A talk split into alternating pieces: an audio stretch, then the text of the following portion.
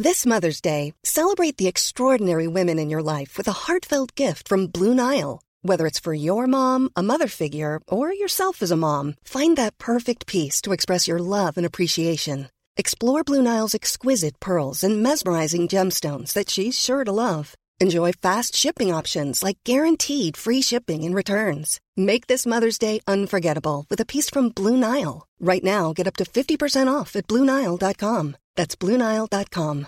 Hi, I'm Daniel, founder of Pretty Litter. Cats and cat owners deserve better than any old fashioned litter. That's why I teamed up with scientists and veterinarians to create Pretty Litter.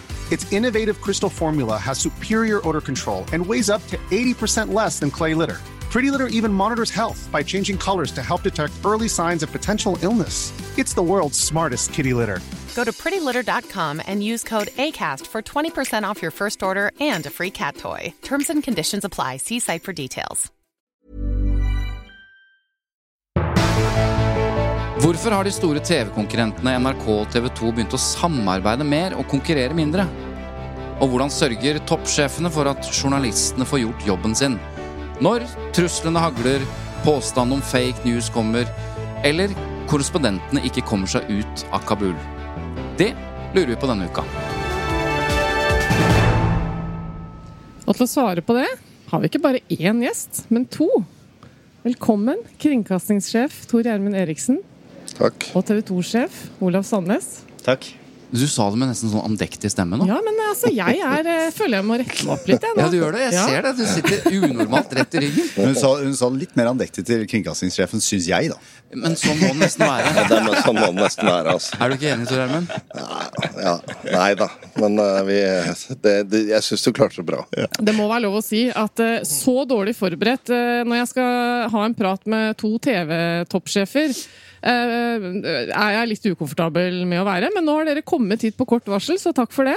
Ja, og grunnen til at det er litt sånn eh, stup og kjør og kort varsel, er at vi er i Arendal. Og i. Arendalsuka så er det tusenvis av arrangementer. I hvert fall har jeg inntrykk av. Det er i hvert fall over 1000. Eh, og disse gutta her, eh, de flyr fra det ene til det andre. Det gjør for så vidt vi også. Og så blir litt veien til mens man går. Så derfor har vi eh, fått dem opp på verandaen her i, eh, i Arendal. Eh, På kort varsel, og vi skal snakke om journalistikk. Vi skal snakke om hvorfor dere samarbeider og er så tilsynelatende joviale kompiser. For Jeg skulle jo tro at de egentlig var beinharde konkurrenter. Det skal vi komme inn på. Men det er vi, så vi tar Ja, ja, der er vi greit, så Da er premisset rett og slett helt feil. Og så lurer jeg litt på hvordan det er å være sjef for en mediekanal. Så det kan vi snakke litt om også. Ja, Du aner, du sa til meg Hva Aner ikke. gjør en kringkastingssjef? Holder han på med? Verste er det lurer jeg på. Ok, eh, aller først eh, Hva syns dere om mediekritikk og kunnskapsbygging om medienes oppgaver? Nå tror jeg han, eh, han fisker litt. Eh, Vi vil gjerne ha litt eh, ros av den jobben vi gjør. Hva syns dere om folk som driver mediekritikk? Nei, men altså, Det alvorlige og seriøse svaret på det er jo at mediene er helt avhengig av det. Eh, Det at man diskuterer vår rolle, eh, men også mer i, liksom, ned i det konkrete, hvordan man løser viktige saker. Nå, bare i sommer har vi hatt ganske mange, mange diskusjoner rundt eh, 22. juli og så, og så videre. Eh, eh, det er bra, det. Det går ikke an Men det er jo noen av meningene som er helt borti natta, oppløsert takk. Men Nei da, jeg fleiper litt. Men poenget er at eh, den type debatt må vi ha. Så tror jeg også at uh, her, også her har vi jo sett en utvikling hvor jeg tror uh, mediene selv også har uh, måttet gå mer i seg selv og uh, noen ganger uh, erkjenne at vi gjør feil. I høyere grad enn kanskje vi gjorde tidligere. Og det handler jo om troverdighet til syvende og sist. Altså hvis du, hvis du står på at du ikke gjør feil, da er du ikke troverdig. Og det, det å kunne vise at uh, det er jo journalistikk handler om vurderinger. Og noen ganger så slår vurderingene feil ut også. Det må være en del av av det å, å være redaktør. Det er en ærlig sak, eh, Absolutt. det. Og det, det fremstår litt rart at det skal være så vanskelig å si at eh, nei, der dreit vi oss ut, vi gjorde feil. Altså, det skaper jo tillit, det å innrømme at man ikke alltid gjør alt perfekt. Gjør det ikke det, da? Jo, men det er jo ofte sånn også at eh, det, liksom, en del av sakene blir gjort så utrolig store og prinsipielle. Vi hadde en, en, etter min mening, ikke veldig viktig sak rundt en avpublisering av en underholdningssnutt her i sommer. Og, mm. Ja, og da blir liksom utgangspunktet var at han syns ikke han lykkes helt med det, og så ble det en diskusjon, og da blir jo noen sånne saker fortjener ikke å bli så viktige og prinsipielle som de er. Og, og, du peker på noe der. Hvorfor skal det være så vanskelig å innrømme uh, feil? At av og til så blir man jo liksom, Det blir kritisert også, da. Ja. man uh, Så jeg tenker at, uh, at man man må liksom tillate litt åpen refleksjon, litt tvil, litt på den ene og den andre siden, også i vår debatt. Og så er det en annen ting som slår meg litt for ofte, og det er at vi må være klar over at en del av de diskusjonene våre som kan være viktige, de er nok ikke sånn at det store, brede publikum er så veldig opptatt av de. Nei. Eh, Det kan bli litt dannedam-diskusjoner. Ja, Men da- eh, Ja, Olav. Ja, jeg har lyst til å følge opp det også. Så er det, altså er det jo en, et viktig hensyn som vi også eh, begge vi må ta, og det er jo at det nytter ikke på en måte at, at redaktøren går ut og eh, til enhver tid kritiserer journalister som gjør de vurderingene ute i felten på ganske kort eh, kort tid. Um, og, og de må vite også at når de gjør det, så har de oss i ryggen. Og kan stole på at de har et apparat som faktisk backer dem. For det er annerledes å være journalist i dag Ja. enn det var for noen år siden. Du har en helt annen tilfang av kritikk, av eh, ikke bare fra profesjonelle aktører som dere, men også fra eh, på sosiale medier. Direkte. Du får det rett inn. Og det, det å stikke hodet ut, tror jeg koster, like, eh, koster mer nå enn det gjorde, gjør, eh, gjorde før. Selv om kanskje meningene er de samme som tidligere, så kommer de lettere frem.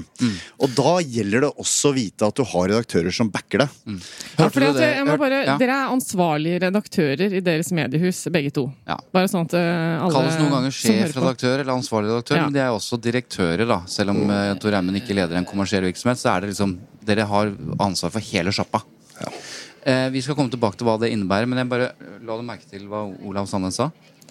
Han Ja. omtalte oss som profesjonelle aktører, eh, Ja, ja, ja. mediekritikere. Det skriver vi ned. Eh, men vi må jo skynde oss å si at eh, vi er jo uenige med deg, Tor Hermen, når du eh, kom hjem eller eh, tok avgjørelsen og sånn. Altså det å avpublisere de RAM-episodene, det mener vi var helt feil.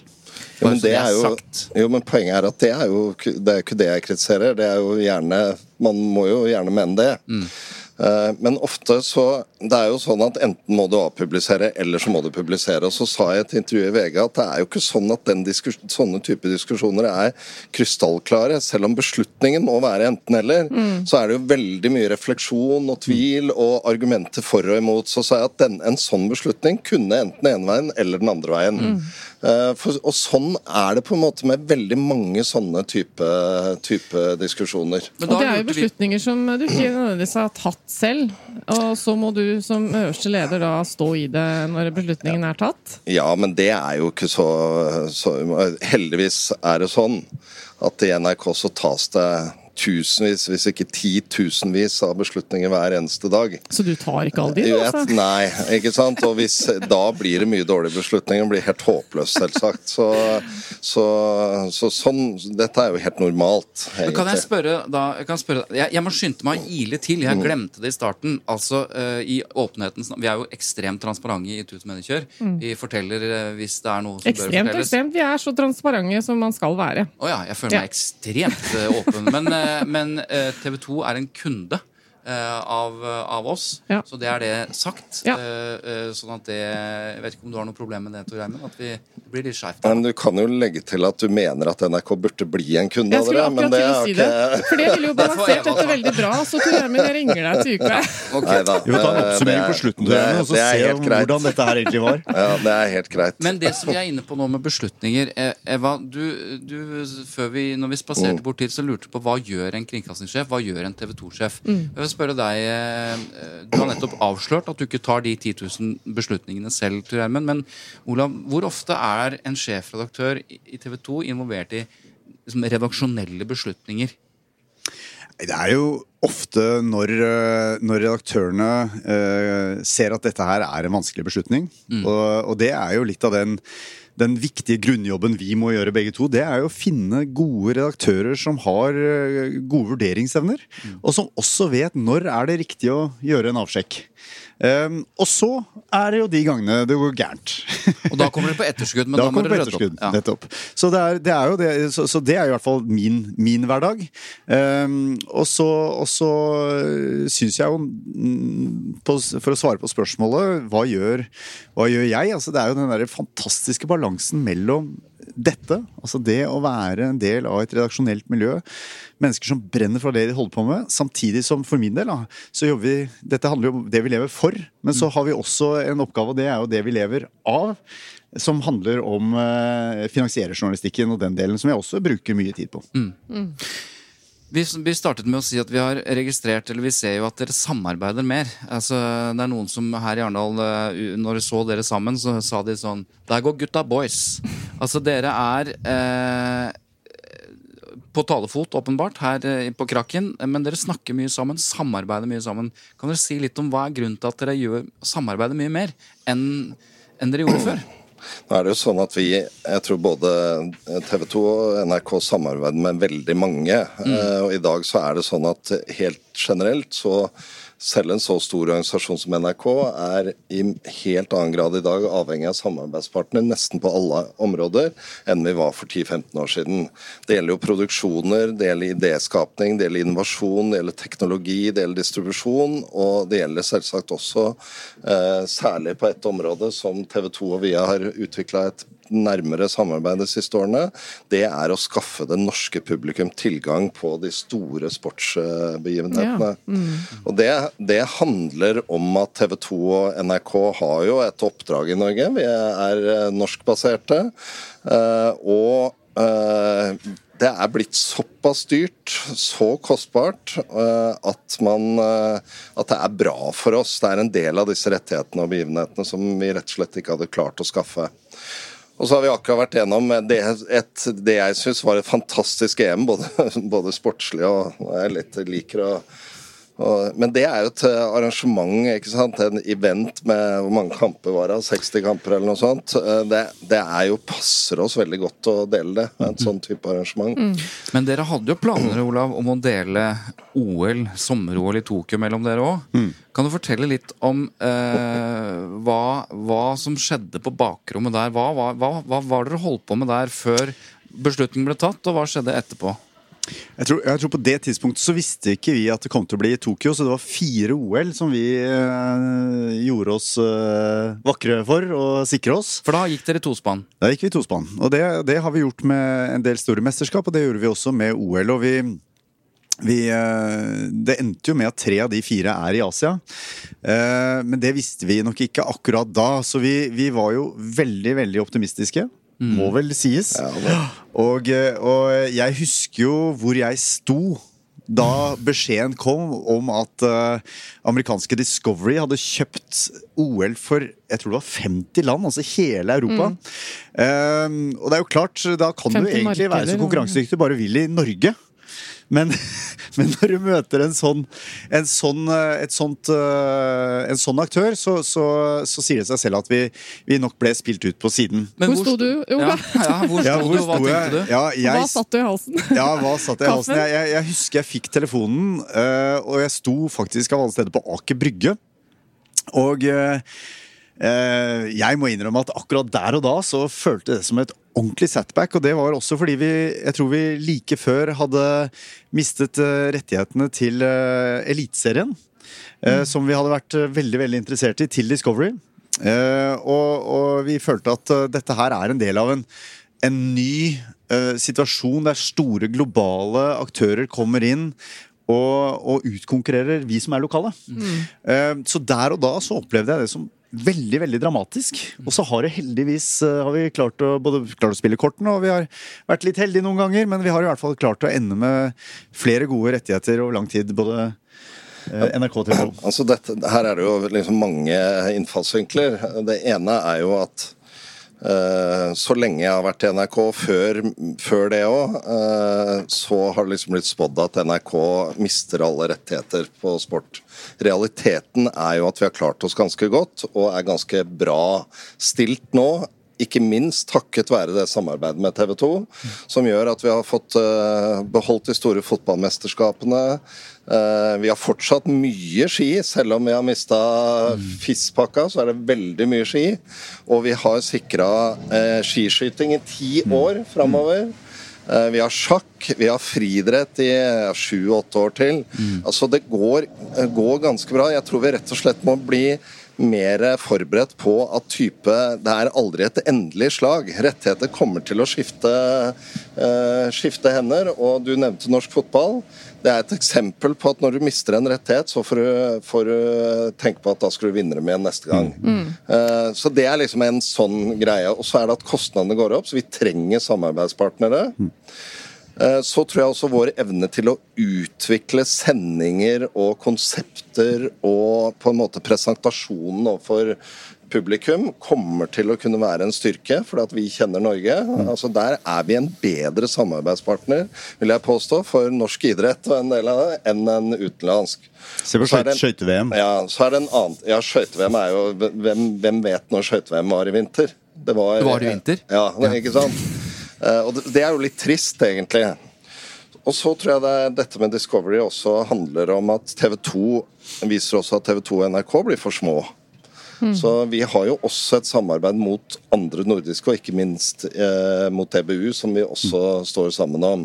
Så når, når disse eh, OL-ene neste gang skal selges og sånn, så tror jeg nok at vi må prøve å sikre det til, til eh, i en større sammenheng enn bare NRK og TV 2 også. Det du sier nå, eh, er at neste gang så kommer TV 2 eh, tilsvarende i Danmark, Sverige, NRK, tilsvarende SVT og aktører i hele Europa til å banke de amerikanske gigantene, for dere kommer til å legge inn et felles bud på neste år. Det er det du sier. Men da må jeg Ja, men, hva- det er det du sier. Nei, men så, Det er jo ikke sånn at jeg helt vet hvordan denne prosessen, men at EBU-fellesskapet, som er eh, alle de europeiske stort sett, public service-broadcasterne, kommer til å posisjonere seg til det. Det tror jeg ikke er noe hemmelighet.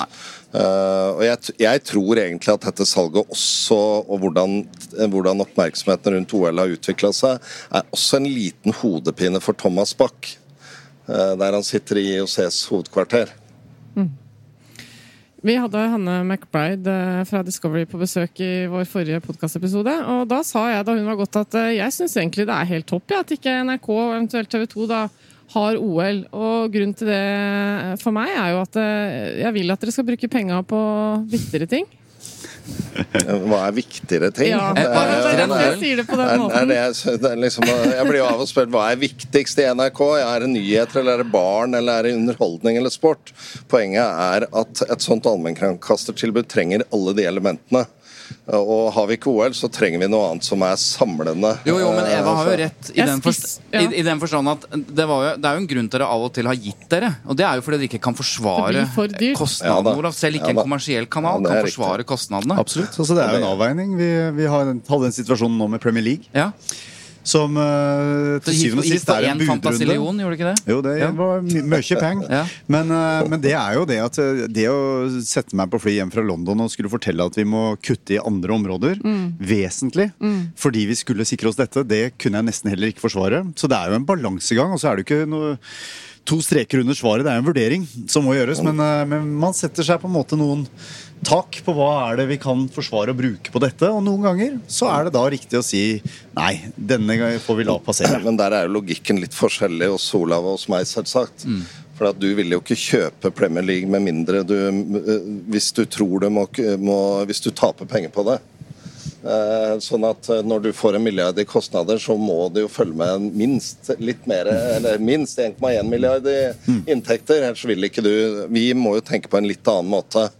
Eh, den- La oss ta det. eh, Ja, Bare bare for de lytterne eh, altså, Dere har jo begge et allmennkringkasteroppdrag, men det er likevel litt forskjellig. Dere har jo også en kommersiell side. Det har for så vidt NRK også, men ikke altså, Dere er jo finansiert av våre skattepenger. Ja, men altså allmennkringkaster altså TV 2 har, et, har en allmennkringkasteravtale på nyheter på TV 2. eh, på TV eh, som, som gjør at de Det tror jeg også gir dere en annen profil på resten av det. Absolutt. Men det er klart at allmennkringkasteroppdraget til TV 2 og NRK kan ikke sammenlignes egentlig i bredde og størrelse og sånn, for det er jo Hele vårt oppdrag er jo det.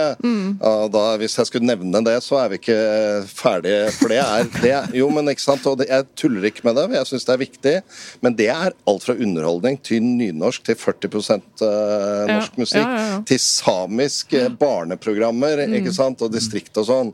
Så det er jo litt forskjellig, men, men eh, jeg har lyst til å si det til Olav, da, at jeg tror at likevel, selv om selve oppdraget er jo knytta til Ja, det er litt mer enn det Ja, jeg det er sa, det, ja. så er det noe med at det gir en total tilknytning og et ansvar som, som er bra. Men i Så- dette allmennkringkasteroppdraget så er det også at vi skal kunne tilby de store sports- og idrettsbegivenhetene som betyr mye for folk i Norge.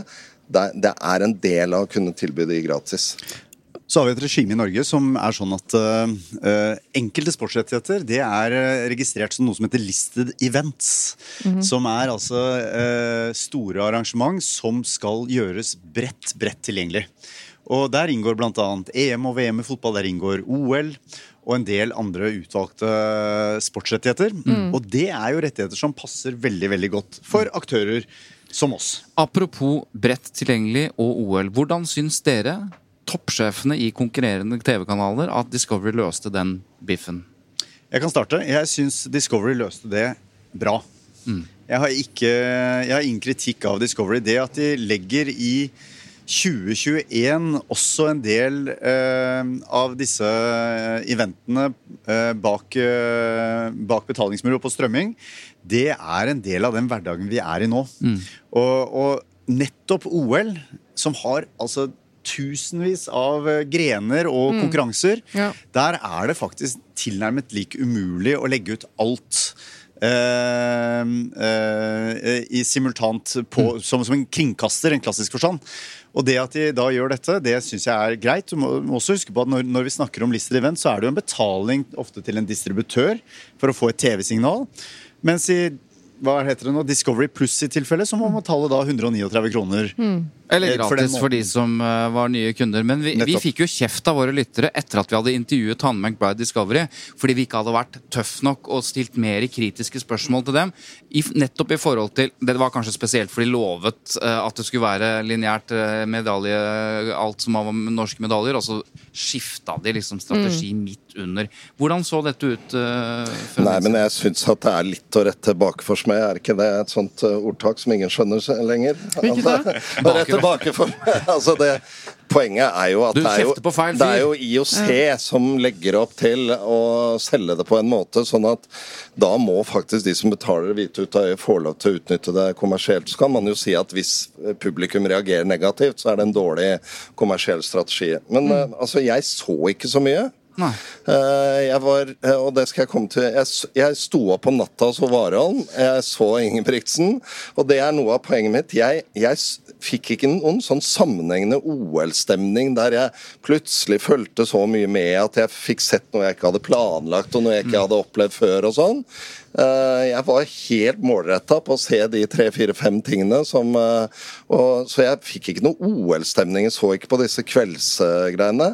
Det skal, kan nok ha mer med tida det gikk på, Ja, enn enn på Discovery, Discovery. ja, ikke sant? Så, Ja. så jeg fikk ikke den OL-følelsen. Jeg, jeg, må bare, jeg må bare si det. Jeg var ikke født i 72. Eh, men når folk beskriver hvordan de For da hadde vi jo Dette, dette var OL i 72, vinter-OL. Nå var det sommer-OL hvor vi faktisk tok medaljer. Men i vinter-OL i 72 så hadde alle forventet at Erik Haaker skulle ta gull i alpint. Alle sto opp klokka to om natta, og han kjørte én eller to porter, og så kjørte han, og så gikk alle og la seg. Det gjorde han jo veldig ofte. det, det er helt riktig, så at de trodde at han skulle vinne, var helt utrolig. Men, men den derre eh, Du var litt inne på det, Olav. Dere visste ikke at det ble eh, fire OL, eller at det var, Asia, Asia-OL. Og dere tapte OL, var sure begge to og fortvila. Men så skjønte dere at det, at det var OL på den andre sida av kloden. Hvordan tenkte dere da? Noen ganger har man mer flaks enn man fortjener, tenkte vi da. Nei da, for det flaut side. Altså, det, det er jo, det er, eller det er jo sant.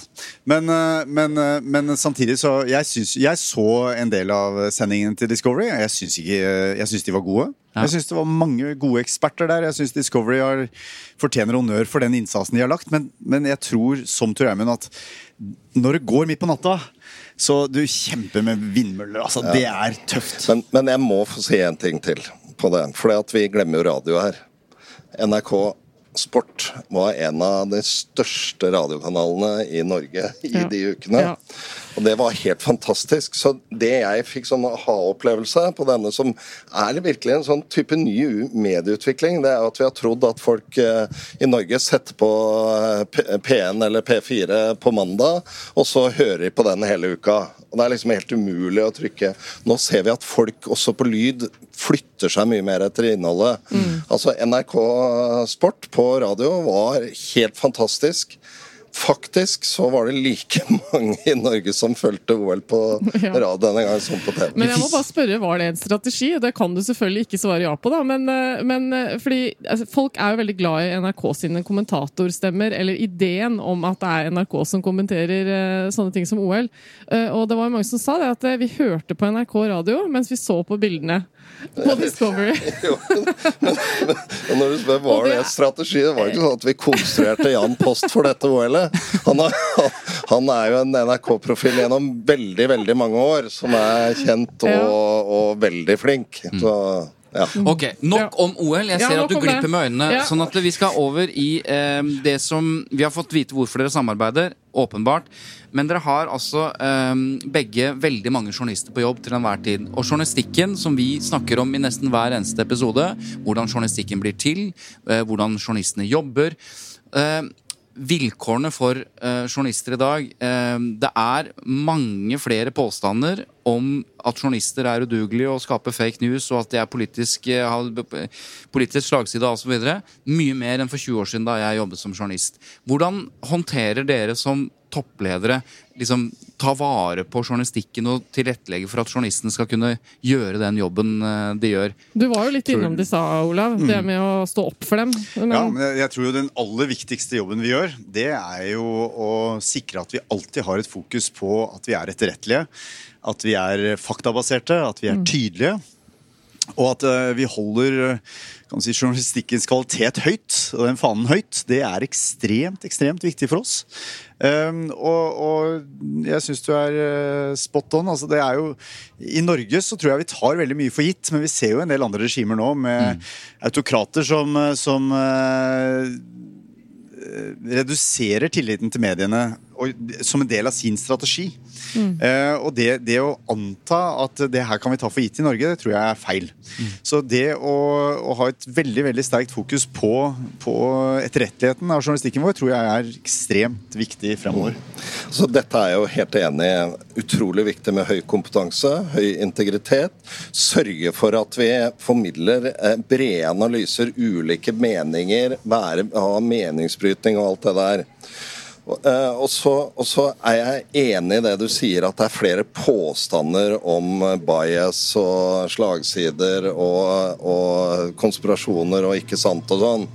Men det er ikke som, men hvis vi ser på de overordna, liksom, hva folk i Norges tillit til mediene, hvordan den har utvikla seg, så er det jo, står det jo veldig bra til. Og tilliten har økt under pandemien. Så, så påstandene, og de er synligere i dagens sosiale medier. Eh, men det er jo ikke sånn at folk i Norge egentlig har mindre tillit. Og så kom den eh, Reuters eh, Digital News Report kommer nå i sommer. Og der var det, det er mye interessant der, men nå så jeg at det var ca. snart 50 av eh, publikum i Norge som sier de kan være usikre på om nyheten de leser på nett er ekte eller falsk. Og det har økt veldig. Så, og så når jeg fikk det presentert, så ble det presentert som et negativt hund. Og så satt jeg og reflekterte litt over det. Det er jo et utrolig positivt hund. Det er jo mye verre om ingen reflekterer over hva som er falskt eller ekte. Altså, du tenker at det er kilde- Jo, altså, jeg, jeg, jeg, jeg tenker at særlig et, Ja, at folk blir litt sånn bevisst det, er det største forsvarsmekanismen. Så det er egentlig veldig positivt. Det, det verste som er avdekket der, er jo altså Medtilsynets rapport eh, i fjor som viste at de eldste i publikum hadde lavest evne til å avsløre fal falske nyheter, men størst tillit til at de klarte det. Det var en slags kombinasjon av lav kompetanse og høy selvsikkerhet, som ikke er så bra. Mm. De unge har blitt veldig opptatt av kildekritikk. Det er- tror jeg skolen har vært eh, bra også. Mm. En litt mer alvorlig bit av altså, En ting er beskyldninger om fake news mot journalister, og at journalister på fest må forklare at nei, jeg, er, jeg driver faktaorientert osv. En annen ting er at uh, sikkerheten til journalister rundt omkring i verden, den eh, Altså, det er, det er farligere å være journalist eh, enn det har vært eh, på lenge. Nå er vi vitne til en ekstremt dramatisk situasjon i, i Afghanistan.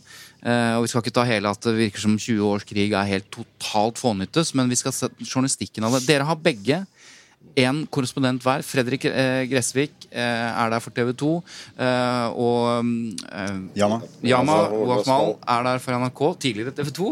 Eh, kan dere si litt om hvordan dere holder dere orientert, og hvordan de kommer seg ikke hjem fra kabel, sånn som det ser ut akkurat nå? Hvordan, er, hvordan, hvordan ivaretar dere deres sikkerhet når dere står der nå? For det første, så, altså Før du drar på en sånn reise, så er det ganske sånn opp, omfattende sikkerhetsvurderinger som gjøres. Um, og, og det er jo fordi vi vet situasjonen der nede. Og så er det jo, må vi jo begge det var, jeg vet, De snakket sammen også mellom NRK og TV 2 i forkant av dette. Og det, er jo, det var jo øh, ikke øh, forventet at det kom til å gå så fort. Og, og så er det når man først er der nede da. Vi har satt ned en krisestab eh, som jobber aktivt med dette. Jobber med forskjellige måter å sikre Altså en krisestab i Bergen eller i Oslo? Ja. Og som, som sikrer at eh, vi har eh, egentlig et enormt apparat rundt vår journalist, og sørger for at vi har eh, også ruter ut av landet. Um, men også on the ground, som sikrer at han får vurdere sikkerhetsvurderinger løpende. Og Det er både i samarbeid med våre kolleger i NRK og de andre nordiske landene, men også med amerikanske uh, medier som, som, og britiske medier som vi, som vi har et samarbeid med rundt sikkerhet. Og så er det jo er det jo sånn at eh, vi vet jo at det er risiko. Og det er ekstremt viktig for oppdraget vårt å ha mennesker på plass som med egne øyne kan fortelle hva som skjer. Ikke minst som følge av at dette har vært som du sier, en del av, av norsk samfunnsdebatt de siste 20 årene. Men som arbeidsgiver så tenker jeg jo også at eh, jeg sitter jo med en liten sånn klump i magen. Han er en kollega, og ja, i og for seg Yama også, som er, er noen som, eh, en som veldig mange TV 2-ere holder eh, høyt. Vi, vi er jo bekymret for dem. Og så går det en liten tanke også til alle de som ikke har et sånt apparat rundt seg. Journalister i andre land, som, eh, som, og ikke minst i Afghanistan, som, eh, som nå går en helt, helt annen virkelighet i Ja, ja, ja. møte. Ja, altså her er det jo For det første generelle bildet er jo litt deprimerende, som du sier. At det er farligere å være journalist rundt om i verden. Flere blir drept. Eh, Jeg tror det er farligere å være hjelpearbeider også. Mm. Og, og at den type Selv om det, eh, det aldri har vært mindre vold totalt sett i verden, så er disse konfliktene blitt farligere. Fordi skillet mellom sivil og militær eh, er viska ut mange steder. Og så er det som Olav sier, vi har jo veldig tydelig prosedyre på, på dette. Denne beslutningen ble tatt på fredag, og selv om det er jo Helje og Solberg som er nyhetsdirektør, og Marius Tetlie og, og Sigurd Falkenberg Mikkelsen og sånn, som har prosedyre støtta av våre sikkerhetsfolk, så drar vi ikke til Afghanistan uten at de er inne i det, eller vet om det. Der er vi på det nivået igjen, hvor dere snakket om fordi at fordi at det kan være behov for å involvere norske myndigheter og den type ting. Og så er det alltid viktig, som Olav sier, og, og jeg spør alltid hva gjør TV 2, hva gjør DR, hva gjør BBC? Altså den type. Så husk på når den, den beslutningen ble tatt på fredag morgen, at vi skulle reise inn, da sa amerikanerne at det tar et halvt år til Kabul faller. Ja. Det tok et halvt døgn, omtrent. Altså situasjonen eh, Så må jeg bare fortelle en liten historie, for jeg fikk så flashback denne gangen. Fordi at jeg satt og gjorde akkurat de samme vurderingene for 20 år siden. Med Tom Christiansen og Åsne Seierstad som, eh, som ble stående mellom eh, Taliban og da Nordalliansen, og vinteren kom. og så jeg fikk skikkelig flashback, for da var jeg redaktør i Dagbladet. Ja, Ja, det er vel, vi er husker jo det. 13 Åsne. Seierstad med hjelmen på Ja, og det er 13 år siden uh, Karsten Thomassen mistet livet Ja, jeg- i, i Kabul. Og det er jo, Så det er jo et bakteppe der som, eh, som selvfølgelig sikrer at vi, eller bidrar til at vi er ekstra ekstra oppmerksomme i den situasjonen. og dere må huske på, I denne situasjonen så kan vi ikke forvente å få hjelp av norske myndigheter. Vi drar inn der og vet at de, UD har ikke folk på bakken der. Eh, Norsk Forsvaret har, eh, har selvsagt folk som, eh, som kanskje kan bidra. Men eh, Olav, du sier at dere har et sikkerhetsopplegg som andre utenlandske journalister ikke nødvendigvis har. Men hva er det, sånn helt konkret? Altså, hva Det, det er et samarbeid både med, med de andre eh, vestlige kringkasterne. Så når jeg sier at de and, mange andre ikke har det, så er det jo kanskje mange av de som ikke har like store ressurser som de vestlige mediene har. Eh, og, og det er jo også eksterne selskaper som, som gjør sikkerhetsvurderinger eh, og har det som fagfelt, og som bidrar til det. Og det er, det er en viktig del av det å kartlegge situasjoner i, i områder vi ikke har like direkte eh, kunnskap om. Og, og så har vi stått i veldig forskjellige situasjoner. Her har vi gjort det. Vi har gjort en stor sikkerhetsvurdering i forkant, vi har samarbeidet med andre.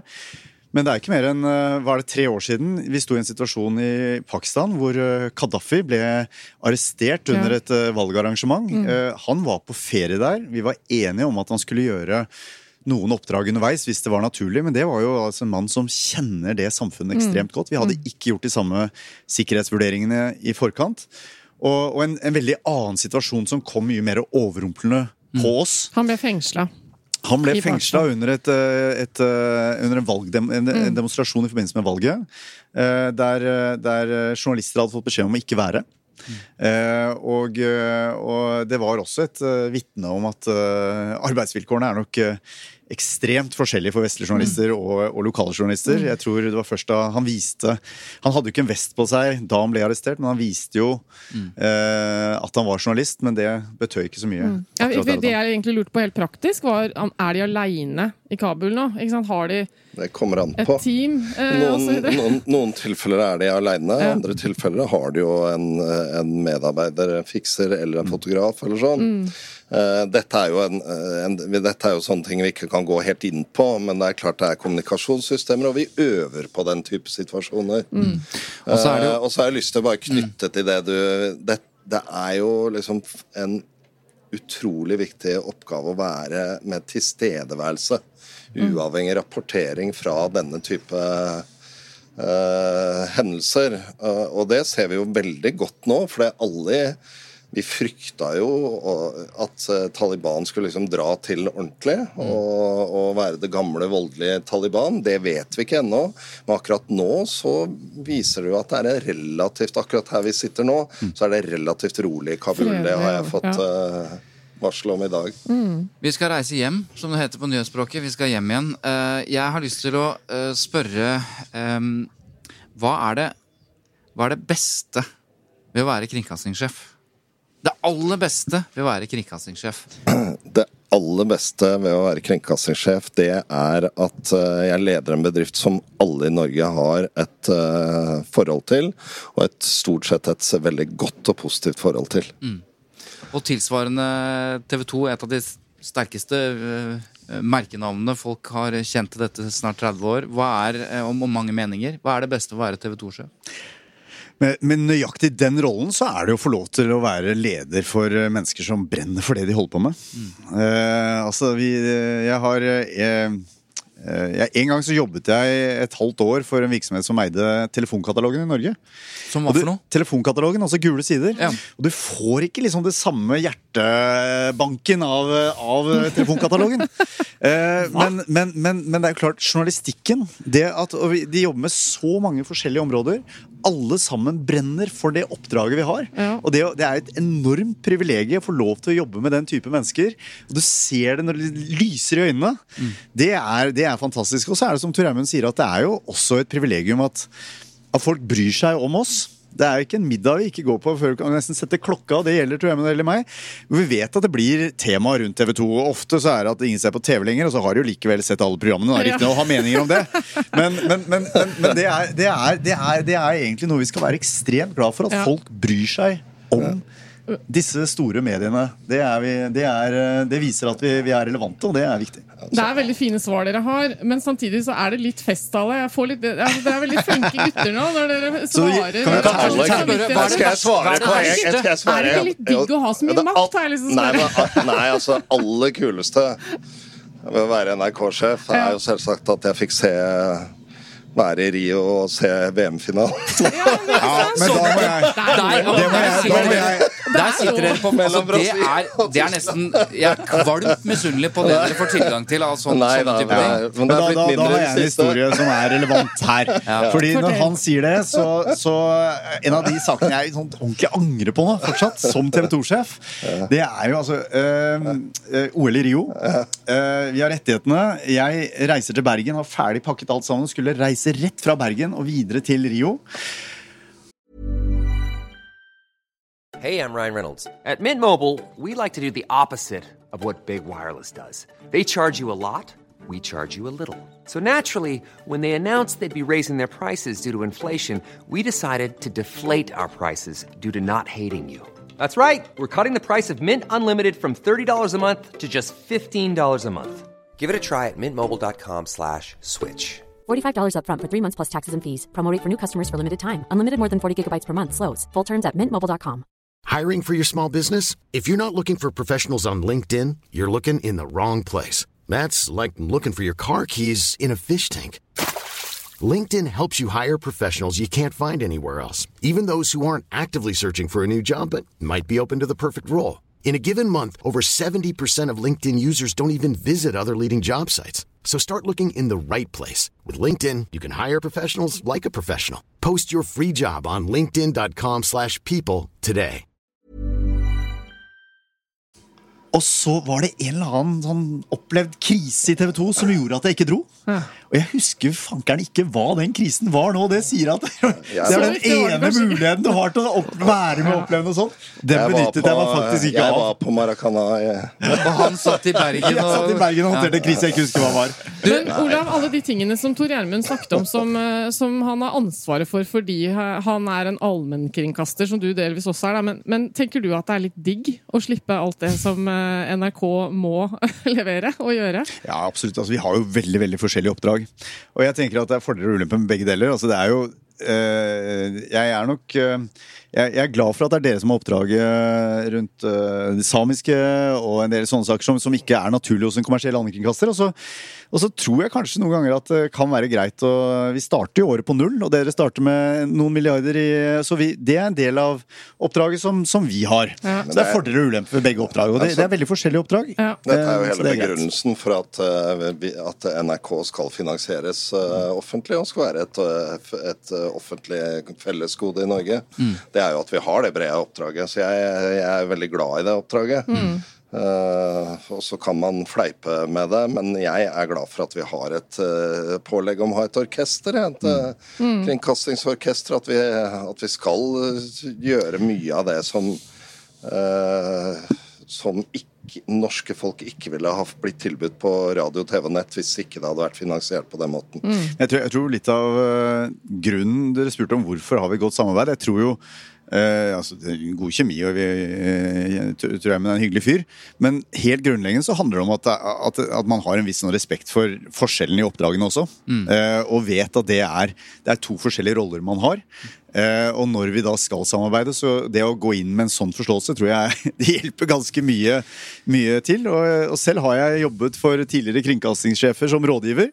Og vært i NRK, er glad i NRK. Og jeg tenker at det er på en måte Det er et viktig samfunnsoppdrag som gjør som når vi spiller sammen, så er det, er det noe av det viktige her. Jeg kom på en ting, Eva. Um, eh, vi har jo gjort oss til mediekritikere, og det er våre lyttere blitt vant til. Ja, og Husk på at Eh, kritikk er både skryt og Absolutt, men, Og- eh, men med liksom kjeften eh, frist i minne at vi har liksom blitt så joviale. Nå har vi hatt en veldig hyggelig prat her på terrassen i Erna, så tenker jeg det må da for pokker være et eller annet jeg har på disse to som kunne vi løfte og gjort det litt, liksom, litt utrivelig Ja. mot slutten. Nå tror jeg faktisk ikke vi har noe særlig mer Um, tid, eh, tror jeg. Men det er veldig alvorlig. altså Det går en kule varmt mellom, eh, mellom når vi, vi konkurrerer jo beinhardt om en del. Og når vi skal dele en sportsrettighet, så, så kjører vi Da snakker jeg for NRKs interesser. Sånn må og, det være. Og, og da, da Vi konkurrerer jo beinhardt. Ja. Jeg, så Men jeg mente egentlig jovialt mellom uh, oss som programledere her og dere, så nå kom jeg på noe. Du, Hermund, er du klar? Ja. Ja, ok. Um, dere er her i Arendal fordi dere begge har et viktig oppdrag. Det er masse journalistikk som lages. Dere har hatt partilederdebatt, eller dere har hatt statsministerduell i TV 2, og dere har hatt den tradisjonelle partilederdebatten, som jo ble artig på mange måter. Uh, men så har det kommet kritikk mot NRK fordi dere har blitt enten lurt eller gått med åpne øyne inn i en slags uh, lobbyrapport eh, som dere presenterte eh, for Miljøpartiet De Grønne. Dette er en detalj, detalj, kanskje, men jeg har lyst til å bare høre med deg, for dette er redaksjonelle vurderinger du ender opp med å måtte kommentere. Fredrik Solvang viste til en upublisert rapport som var lagd av Ryssdal Energi på vegne av norsk olje og gass. Det ble ikke sagt, presentert som fakta og, og konfrontert eh, Une Bastholm ble konfrontert mm. på den. Hva tenker du om akkurat det? At hvis det er den eneste feilen man har funnet etter en to timers direktesending, så har dette gått veldig bra. Og så er det jo sånn heldigvis da, at når, når ting ikke kommer fram i sendingen, så er det jo andre medier, og så får vi komplettert bilde. Jeg syns det er en veldig, egentlig ganske liten sak. Eh, og valgkampen og klimadebatten er ikke over, så vi kommer til å ha tusenvis av muligheter til å korrigere den. eh, Men burde. Fredrik Solvang ha sagt at den rapporten burde- var fra burde- Norsk olje og gass? Ja, Det burde han sikkert ha gjort, men jeg har ikke noe Jeg har lest VG, jeg har ikke snakka med Fredrik eller kan Du kommer ikke til å avpublisere denne debatten. Nei, det er den eh, vi kan jo dra en sammenligning. Altså, Svein Tore, du glemte å fortelle helt innledningsvis i dag at vi er kunde. Du Ja. kom på det. Jeg kom på det. Tenk om vi ikke hadde kommet på det. Så hadde vi Helt sittet med tilsvarende kritikk. Altså, det, det Ja, er det en er del vi må, vi må huske at det gjøres feil. Og, og det er anledninger til å rette opp. Det er anledninger til å eh, Men det å gjøre seg selv veldig høy og mørk til enhver tid, og bruke liksom anledningen til å maksimere det, det, det tenker jeg ikke er så klokt. Jeg tror vi må snakke om det på en, en måte som gjør at det, det er en del av det å være journalist. Ok, da. Har bare lyst til å stille et spørsmål. Dere snakker om at dere, dere også er konkurrenter. Selvfølgelig, det er dere jo. Og så lurer jeg på eh, Det er jo noen som kan si at det er litt urettferdig eh, at NRK eh, kan få lage en nettavis. Eh, Som, for dere er veldig kommersielle, veldig flinke i NRK til å, til å lage et kommersielt produkt. Tabloide, kommersielle Det Ja, er altså at Dere er flinke til å få oss med i alle plattformer. Dere gjør jo en god jobb som, eh, som er den samme jobben som TV 2 og Discovery må gjøre for å holde på sine Det er virkelig ikke det, altså. men, og når du bruker ja. okay, Veldig ledende spørsmål her. Nå Ja, sitter du- han og klør seg litt. Han, Nei, Bare fortsett, kjør Det jeg skulle egentlig spørre om, var um, eh, Hva tenker du om det at NRK kan lage en, eh, en eh, nettavis helt uten eh, behov for kommersiell inntjening, som skal konkurrere med alle de som eh, må drive og holde på med content marketing og reklame og, og blande inn. Ble dette veldig Ja, rotete spørsmål? Bare vent på han skal svare. Ja. Du snakket om at det var festtaler og kjedelige svar nå. Ja. Bare hør nå. Ja. Vær så god. Nei, men ikke sant, du, Det du berører, er jo hele eh, grunnlaget for NRKs uh, allmennkringkasteroppdrag. Å begynne å snakke om nettavis eller, eller bare radio eller TV er helt uinteressant i dag. Vi har et oppdrag for å, for å bidra til å fylle såkalte sosiale, kulturelle og demokratiske behov. Og det, det oppdraget som handler om på en måte barn og samer og distrikt og nynorsk og sånn, det gjør man jo på alle de kanalene som publikum er i dag. Men det er ikke noe vits i at Eh, nrk.no skal se ut som Nei, men, men vi gjør jo ikke det. Altså. Enhver undersøkelse viser at NRK har en helt annen sjangerbredde. Hvis du går inn på, så har vi både barn og kultur, som en del av de andre, andre har. Og så er jo spørsmålet, når du har en allmennkringkaster som fungerer godt, og vi skal leve i et mediemangfold, og du har helt rett. NRK kan aldri være et mediemangfold eh, alene. Det er veldig viktig at vi har gode mm. kommersielle medier uh, i tillegg. Men det at vi har en, en norsk allmennkringkaster, gjør faktisk at en del av de utenlandsk eide kommersielle også i større grad må konkurrere med norsk innhold. Så den litt sånn lettvinte påstanden at NRK driver med akkurat det samme som de andre, det er det altså ikke noe eh, hold i. Vi, Olav opp, vi oppfyller vårt oppdrag. Og så skal vi selvsagt være kloke, samarbeide og passe på at vi, vi lar det kommersielle utvikle okay. seg. Kort til dette her. Kort. eh, Det her er en eh, debatt som kommer til å pågå hele tiden. Altså, det, vi, det vi til syvende og sist konkurrerer om, det er Vi er i kampen om folks tid. Ja. Det er vi i TV 2. Det er Derfor jobber vi, det er vi i NRK. Og, så, og, no, og noen ganger så påvirker det de kommersielle aktørenes uh, inntjeningsevne. Sånn er det. Og det er, det er en del av den virkeligheten vi er i nå. Mm. Um, og det vil aldri være to streker under svaret på den type spørsmål her. Men at den debatten skal pågå til enhver tid, det er, det er på en måte litt sånn Det er det engelske uttrykket 'ticket to ride'. Altså Det er det å være en kommersiell allmennkringkaster og en eh, statsfinansiert eh, allmennkringkaster. Det, det må vi leve med. Og den debatten her, den er naturlig å ta løpende. Men Og, dette- og grensene vil flyttes underveis også, fordi medievannene endrer seg. Men, men det, er bare en, det der er jeg helt enig i. Men vi må liksom se litt utover eh, Dovrefjell og Lindesnes uh, nedenfor her. Altså I dag så vil det jo, er det utrolig viktig at vi har en totalt sett sterk norsk mediebransje. Det er jo ikke sånn at hvis TV 2 forsvant, så ville NRK få alle de. Antagelig så er det HBO og Netflix og andre. Og, Der, ja, og det, så vi må liksom se på den totale norske mediebransjen. Hvilket oppdrag kan vi utføre for, i Norge? Ja, for jeg føler Vi må kjapt innom det. Er, det. er det sånn at dere samarbeider eh, nå så godt som Svein Tore prøver å understreke hele tiden? Fordi eh, dere har fått en ny ytre fiende? Ja, Nei, men altså, det, vi, vi samarbeider så godt nå fordi vi La, la oss snu på det. Da Da TV 2 ble etablert, så ble vi etablert som en utfordrer til NRK. Ja. Det sier litt om medielandskapet Ja, da. ja, nettopp. Det, der Det var NRK, bra. det var bra. Og da, da NRK ble svekka, så styrka den neste TV 2. Den verden er vi ute av nå. Mm. Ja. Hvis NRKs rammevilkår blir svekka, så er det ikke sånn at det automatisk er positivt for TV 2. Snarere tvert imot. Da Mm. er det, det er en helt annen medievirkelighet vi er i dag. Og det er nok litt av, av årsaken til at vi ser at vi tror eh, vi, vi samarbeider jo ikke fordi vi, vi er gode kompiser, vi samarbeider fordi vi tror det er riktig for, for virksomhetene våre. mm. I den medievirkeligheten vi er nå. Vi skal, vi skal uh, gå inn for landing. Jeg har lyst til å ta tilbake der vi startet. Jeg sa at uh, det var noen som uh, pekte på dere da dere gikk bortover i eh, pollen her i Arendal og si der går gutta boys. Eh, og da var det ment som en sånn De, er, eh, de samarbeider og de er eh, Men hvis vi understreker den første delen gutta, gutta. Eh, det har aldri vært en, eh, noe annet enn en mann som sjef i TV 2. Det har aldri vært noe annet enn en mann som, sjef, eh, som kringkastingssjef. Vi skriver 2021, og vi diskuterer kjønn og mangfold overalt. Altså, Jeg vet ikke hvor, hvilken inngang vi skal ha på dette, men dere er jo, har jo vært sjefer en stund. Men hva, hva tenker dere om deres etterfølgere? Nei, der tenker jeg at det er eh, Det får styre styret Ja, ja, ja, ja, men, men, eh, men, eh, jeg trenger ikke å holde Det er jo naturlig, det er jo på tide at det kommer en kvinne. Mm.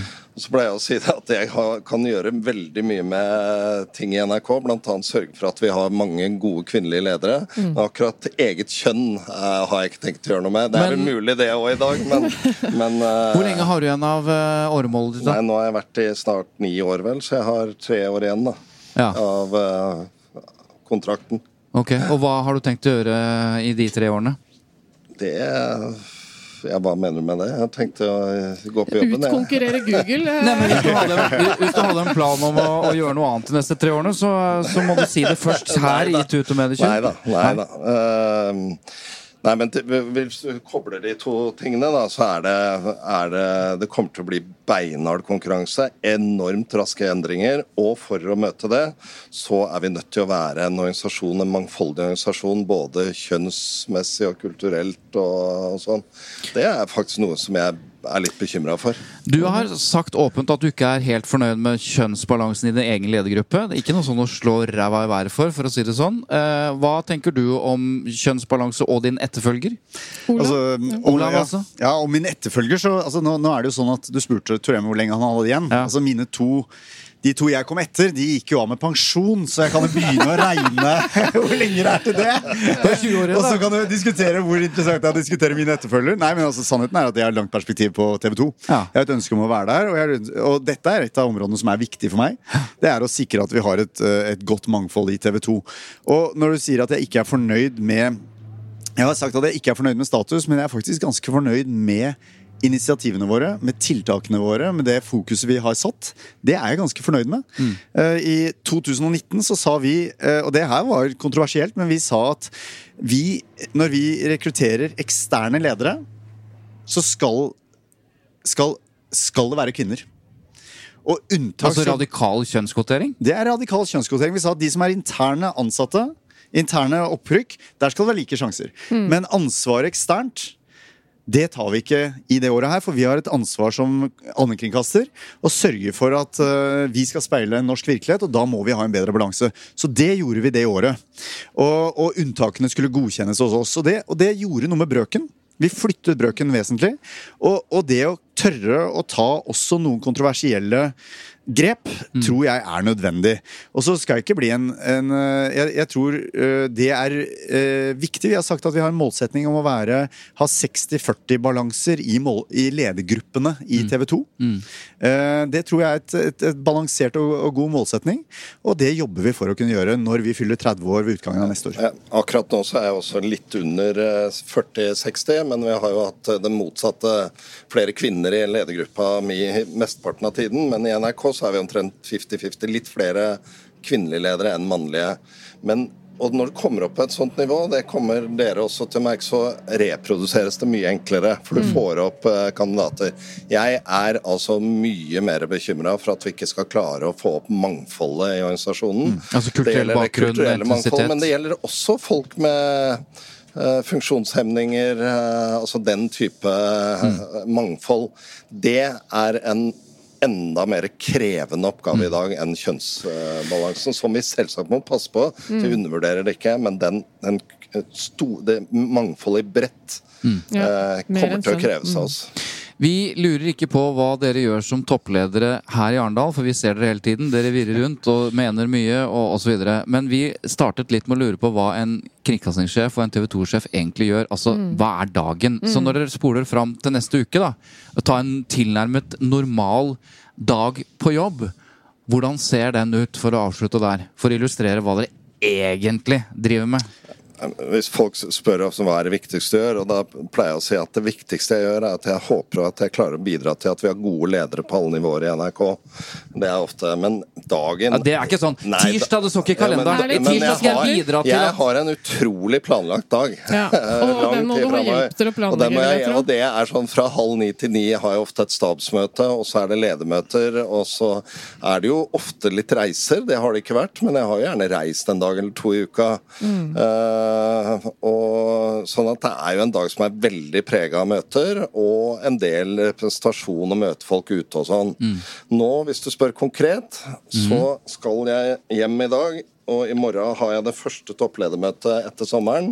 Og på mandag og tirsdag skal vi ha to dagers uh, møte for å planlegge 2022 og budsjett og begynne på den type ting. Er du Så er bakpå det da? neste. Er det sånn som vi alle andre føler at vi er foran sånne ting? Eller Nei, nå føler jeg at vi er, vi er der vi skal, men uh, det som jo egentlig er oppgaven både for Olav og meg, det er jo å sørge for at vi klarer å øke endringstempoet hele tiden Mm. i forhold til å utvikle kompetanse og teknologi. Og Olav? er vi kjappe nok, er spørsmålet hele tiden. Ja.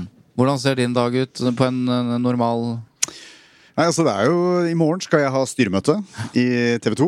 Eh, og så skal vi ha høstlansering, hvor vi kommer ut med alt det vi skal eh, presentere denne høsten her. Det er en stor greie i TV 2. Det er en stor greie i TV 2. Og så har vi eh, neste uke så er det i gang med ledergruppemøter, redaktørmøter, så det er jo også ganske faste, satte agendaer. Og så må jeg stunte noen ganger ikke sant? Når, det er, når det kommer opp ting, og det er jo noe av det som er spennende med hverdagen. Hvis det er det konkret dere spør om, så er det jo det at den ikke alltid altså det, Den er ganske rigga, men den er også ganske uforutsigbar. Altså det kan komme en situasjon eh, om, om det er en eh, et journalistisk eh, spørsmål, om det er en forhandling vi er i som går galt, etc. etc. Så det, det er jo noe av det som er, er fascinerende. og Jeg jeg syns jeg er ekstremt privilegert. Jeg har sagt det som er sånne fyndord med at jeg jobber med flinke folk. Det er sant. Mm. men, men den bredden i oppgaver som jeg får være med på, det er, eh, jeg er helt sikker på at når jeg sitter på gamlehjemmet en vakker dag, så er det det jeg kommer til å tenke tilbake Mm. og tenke fy fader, så heldig jeg har vært- som å være med på dette her. Og jeg har tenkt å være med en stund til. Da vet vi det. Det er kanskje mer aktuelt med kjønnsskifte på Ja, det, Ja, der må vi nok eh, Jeg, jeg innser det, ja. Men ok, eh, da får vi, dere har en travel dag. Takk for at dere var med hos oss. Er det noe vi brenner inne med til slutt her, eh, Eva? Du føler du har fått uh, svar på det? Nå veit du det. Du må være, skal du bli neste kringkastingssjefen, må du være jævlig glad i møter, og så må Ja. du være kvinne. Masse Teams. Ja, ikke sant? Uh, skal du bli ny TV 2-sjef, så må du tålmodig. Da må på. du knekke fall, beina på Olav. vurdere den jobben. Er det mulig å ta seg ferie når man er toppsjef i en uh, mediebedrift? Ja. Ja. Det er mulig, man men eh, man er jo tilgjengelig. Men ja. vi sitter her og ser ut av havna med masse seilbåter, og jeg har vært på egen seilbåt og altså Lemkull eh, stort sett i fire uker i sommer. Ja. Så deilig. Ja, Så tror det- jeg evnen til å koble ut er faktisk ekstremt viktig. Ja, Det å klare å skru av. Ja. For hvis man sitter og er på hele jævla tiden, så tror jeg ikke det er mulig å overleve. Så det er eh, også en del av eh, Ok. så, så tips til deg, Eva. Det må du Ja, for det, det er nemlig en, eh, det er en brannfakkel, men det tror jeg at menn er litt flinkere til enn damer. sånn generelt.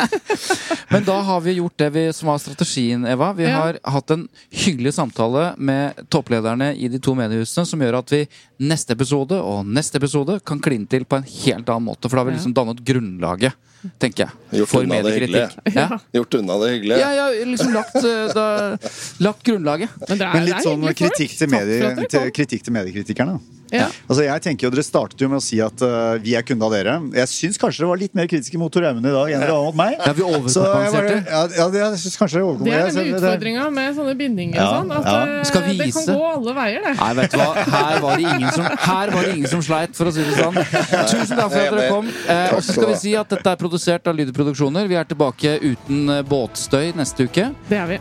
Kom med lytterspørsmål. Vi skal besvare de eh, så godt det lar seg gjøre. Det skal vi. Takk for nå. Takk for nå. Fra Arendal. Ha det. Ha det.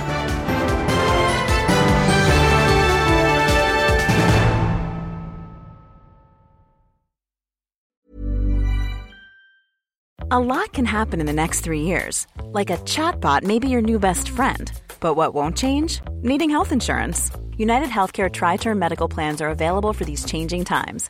Underwritten by Golden Rule Insurance Company, they offer budget friendly, flexible coverage for people who are in between jobs or missed open enrollment. The plans last nearly three years in some states, with access to a nationwide network of doctors and hospitals. So, for whatever tomorrow brings, United Healthcare Tri Term Medical Plans may be for you. Learn more at uh1.com. When you make decisions for your company, you look for the no brainers. If you have a lot of mailing to do, stamps.com is the ultimate no brainer. Use the stamps.com mobile app to mail everything you need to keep your business running with up to 89% off USPS and UPS. Make the same no brainer decision as over 1 million other businesses with stamps.com. Use code PROGRAM for a special offer. That's stamps.com code PROGRAM.